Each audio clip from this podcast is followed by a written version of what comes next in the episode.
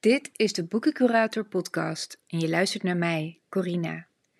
Deze week wil ik het met je hebben over het boek Over Tyrannie.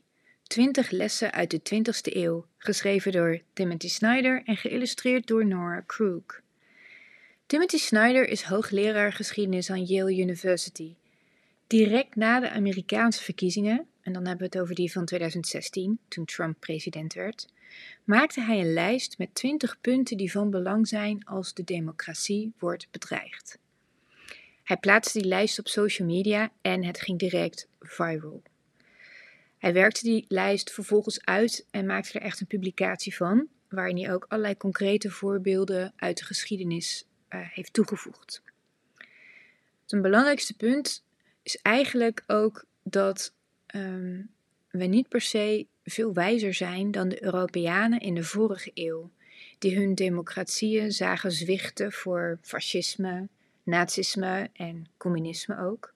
Allemaal bewegingen waarbij één leider of één partij uitdrukking geeft aan de stem van het volk en belooft om die burgers te beschermen tegen een zekere dreiging van buitenaf. Het voordeel is dat we natuurlijk wel kunnen leren van de ervaringen uit het verleden, om zo de opmars van nieuwe tirannen te stoppen. Afgelopen maand kwam er een nieuwe vertaling, een Nederlandse vertaling uit van Over Tirannie, en dit keer helemaal geïllustreerd door Nora Krug.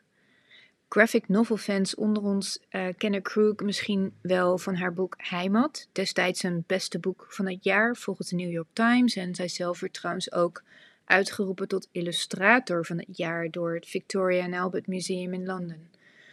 En ja, ik kan ook nog wel even doorgaan. Ze heeft allerlei uh, uh, prijzen gewonnen. Dus uh, ja, het is ook heel herkenbare stijl. Ehm, veel ehm, naast tekeningen en het zijn vooral collages, maar ook bijvoorbeeld met uitgeknipt papierwerk en foto's. Het is echt eh, heel interessant om naar te kijken. Goed, twee weken geleden ontving ik dus deze nieuwe versie van het boek. En ik moet zeggen, in alle eerlijkheid, dat ik eh, op dat moment niet per se zin had om over het onderwerp tirannie te lezen.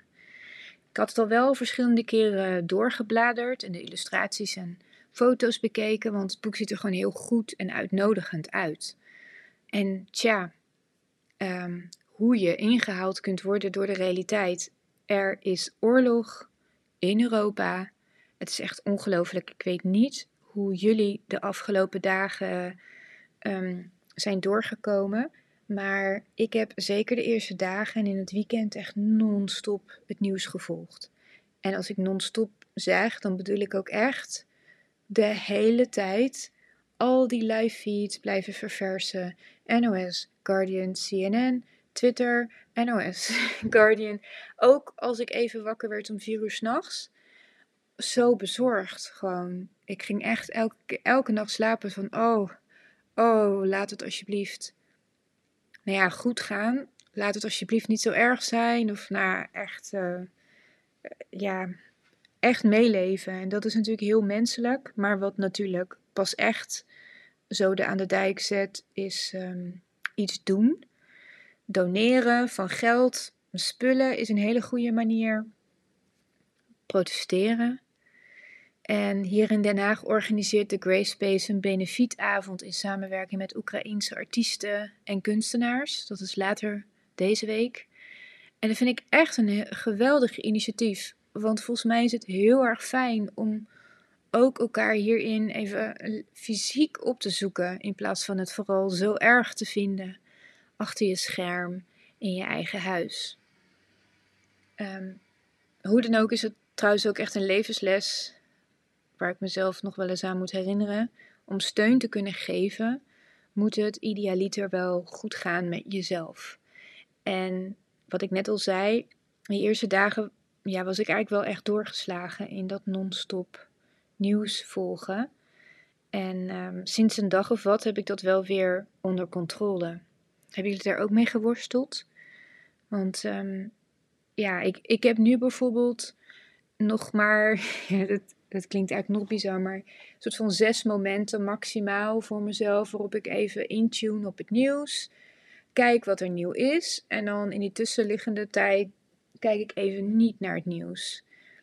Ja, dat klinkt bijna zo suf, maar al die social media en zeker dat hele gegeven van zo'n live feed maakt gewoon dat je in een soort draaikolk komt. Maar een heel groot deel van de dag zit je alleen maar dezelfde berichten in herhaling weer te lezen. En ja, daar is gewoon niemand echt mee geholpen. En zeker als het betekent dat je slecht slaapt, je nergens meer op kunt concentreren. Ehm, ja, dat heeft gewoon geen zin. Maar ja, mijn hoofd stond dus helemaal niet naar even lekker in een nieuwe roman beginnen.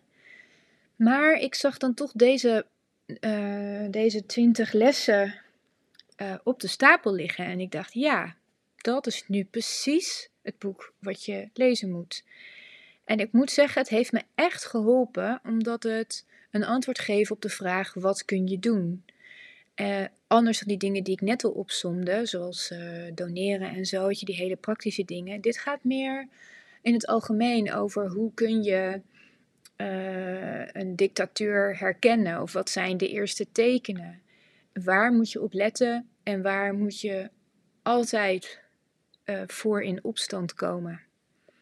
Nu ga ik natuurlijk die 20 lessen hier niet allemaal opsommen, maar ik pik er even een paar puntjes uit. Um, ja, ik doe er denk ik drie. Even kijken. Ik begin met de eerste die ik heel erg van toepassing vind op Nederland, namelijk bewaak de beroepsethiek. Uh, hij uh, legt dit punt uit aan de hand ook van uh, de Tweede Wereldoorlog. Er waren buitenproportioneel veel advocaten onder de commandanten van de Einsatzgroepen die de massamoord op Joden, Zigeuners, Poolse elites, communisten, gehandicapten en ook anderen uitvoerden. Duitse artsen voerden de gruwelijkste medische experimenten in concentratiekampen uit. Zakenlieden en andere Duitse bedrijven profiteerden van de dwangarbeid. En ambtenaren, van ministers tot secretaresses, regelden en documenteerden alles. Als die advocaten de norm geen executie zonder proces hadden gevolgd, als artsen zich hadden gehouden aan de regel geen operatie zonder toestemming, en als bureaucraten hadden geweigerd de administratie van moordpartijen op zich te nemen, was het voor de naties wel veel moeilijker geweest om de gruweldaden uit te voeren die nu in de geschiedenisboeken staat. Er staat ook nog meer over dat het dus het belang van beroepsgroepen om, uh, ja, om een soort van gedeelde normen en regels en code te hebben waar je ten alle tijden aan kunt houden, op kunt terugvallen, waar je zelfvertrouwen uithaalt en ook echt een zekere macht. Beroepsethiek moet ook leidend zijn in de uitzonderingssituaties, zodat er nooit zoiets kan ontstaan als bevel is bevel. En um, uh, ja, ik denk zeker de Nederlandse handelsgeest is natuurlijk iets waar altijd over gesproken wordt. Nou, laat ik het heel kort houden.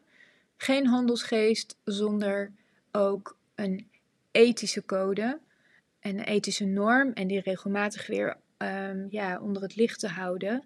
Je ziet het nu ook gebeuren in de huidige oorlog um, van Rusland tegen Oekraïne.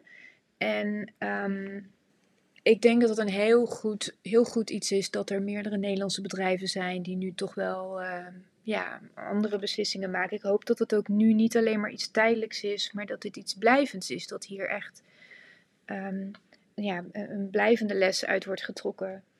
We gaan het zien.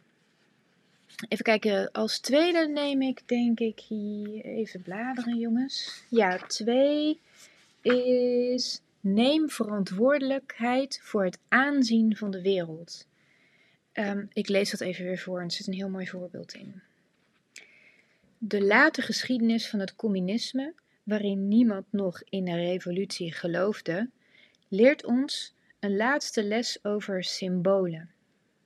Zelfs als burgers gedemoraliseerd zijn geraakt en alleen nog maar met rust willen worden, met rust gelaten willen worden, kunnen publieke uitingen nog steeds een tyranniek regime op de been houden. Toen de Tsjechoslowaakse communisten in 1946 de verkiezingen wonnen en het na een coup in 1948 volledig voor het zeggen kreeg, waren veel Tsjechoslowaakse burgers dolblij. Toen de dissidente denker uh, Václav Havel drie decennia later, in 1978, De Macht der Machtelozen schreef, legde hij uit hoe een dictatoriaal regime met plannen en een ideologie waar nog maar weinigen iets in zagen, toch kon voortbestaan. Hij kwam met de parabel over de groenteboer die een bordje met arbeiders alle landen verenigt u in zijn etalage zet. Hij doet dat niet omdat hij achter de inhoud van dit citaat uit het communistisch manifest staat, maar om gewoon zijn dagelijks leven te kunnen leiden zonder problemen met de autoriteiten. Als iedereen die logica volgt, wordt de publieke ruimte volgeplakt met loyaliteitsbetuigingen en wordt verzet ondenkbaar. Zoals Havel het omschrijft, we zagen dat de echte betekenis van de strijdkreet van de groenteboer niets te maken heeft met wat de tekst eigenlijk zegt. Toch is de echte betekenis heel helder voor iedereen, omdat de code zo vertrouwd is. De groenteboer betuigt zijn loyaliteit op de enige manier die het regime wil horen, namelijk door het voorgeschreven ritueel te accepteren. Door de regels van het spel te accepteren, kan het spel doorgaan en kan het dus bestaan. Ja. Nog een laatste, een derde, is, uh, borduurt hier een beetje op voort. Koester onze taal. En um, herhaal niet wat anderen zeggen. Bedenk je eigen manier van spreken, al is het maar om te verwoorden wat anderen volgens jou zeggen. Door doe je best jezelf los te weken van het internet, lees boeken. Dat is een soort van heel kort samenvattingje wat dan steeds bij elk punt staat. Nou, jullie snappen, leesboeken, ja, daar ben ik het natuurlijk mee eens. Een ehm, paar kleine stukjes nog.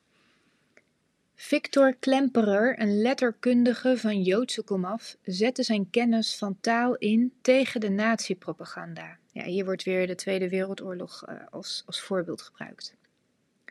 Het volk stond altijd voor sommige mensen, maar niet voor anderen. Confrontaties waren altijd een strijd. En elke poging om de wereld anders te zien was laster aan het adres van de leider. En uh, in dit stuk staat steeds tussen haakjes ook dat precies uh, een zekere Amerikaanse president, oftewel Trump, dit ook heel erg sterk uh, gebruikt. Hij heeft het ook altijd over winning en ja, nou ja, goed. We kennen Trump natuurlijk allemaal wel. Tegenwoordig verkondigen politici hun clichés voor de tv, waar ze eindeloos herhaald worden, ook door mensen die het er niet mee eens zijn. Nieuwsitems op tv zijn altijd breaking news, tot ze vervangen worden door de volgende. Zo krijgen we de een naar de andere golf over ons heen, maar de oceaan krijgen we niet te zien. Om de aard en betekenis van gebeurtenissen te kunnen duiden, hebben we woorden en concepten nodig die ons ontglippen als we overweldigd worden door visuele prikkels.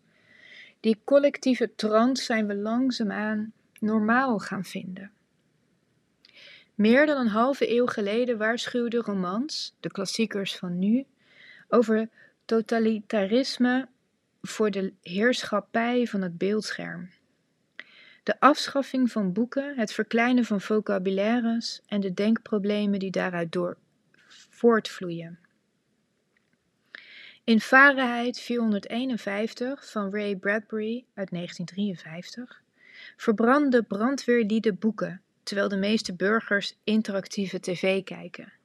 En ook in 1984 van George Orwell, geschreven in 1949, zijn boeken verboden en is televisie tweerichtingsverkeer, zodat de overheid haar burgers constant kan observeren.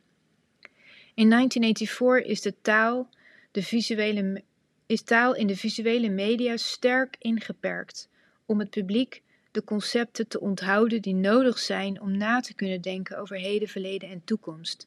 Dus je hebt daar dan ook ja, hele overheidsprojecten die bezig zijn met uh, steeds meer woorden schrappen uit de taal. Dus er komt elke keer weer een nieuw woordenboek uit wat steeds dunner is. Het is misschien onvermijdelijk om naar schermen te staren, zeker vandaag de dag. Maar de online wereld zegt ons niet veel als we niet kunnen teruggrijpen naar een mentaal arsenaal dat we elders hebben ontwikkeld. Als we steeds dezelfde woorden en frasen uit de dagelijkse media herhalen, accepteren we de afwezigheid van een breder kader. Er zijn meer concepten en ideeën nodig om zo'n kader te hebben. Daarvoor zullen we moeten lezen. Verban de schermen dus uit je kamer en omring je met boeken. De personages van Orwell en Bradbury kunnen dat niet, maar wij kunnen dat wel. Ja, meer boeken dus. Nou ja, en ook wat ik al zei, elkaar opzoeken om erover te praten. Daarom vind ik het ook zo ontzettend leuk om die leesclubs te organiseren online en strakjes ook weer fysiek. Omdat ehm, zelfs als je allemaal hetzelfde boek hebt gelezen, kijk je daar allemaal op zo'n andere manier naar. En dat is elke keer weer iets wat je niet moet vergeten. En uh, je leert er gewoon heel erg veel van om, om te praten over, over een boek. Dus ja, uh, ik ga binnenkort weer een paar nieuwe leesclubs aankondigen trouwens. Dus, um, uh, en überhaupt, uh, wil je meer leestips en boekentips, abonneer je dan op de Boekencurator nieuwsbrief via Substack. En um, komend weekend ben ik trouwens een paar dagen in Groningen, omdat ik zelf ga meedoen aan een leesclub weekend. Dus daar vertel ik in de volgende aflevering meer over. Dit was het weer voor deze keer. Uh, over tirannie, 20 lessen uit de 20e eeuw van Timothy Snyder. En dan speciaal deze editie, die zo mooi door Nora Crook geïllustreerd is. Waardoor de inhoud ook nog meer tot je verbeelding spreekt en daar hopelijk heel stevig beklijft. Het is echt een dikke boekentip. Uh, dus ga hem lezen en uh, volg het nieuws. Doe wat je kunt. Volg het nieuws niet non-stop. en uh, ja, dankjewel voor het luisteren weer. Tot een volgende keer.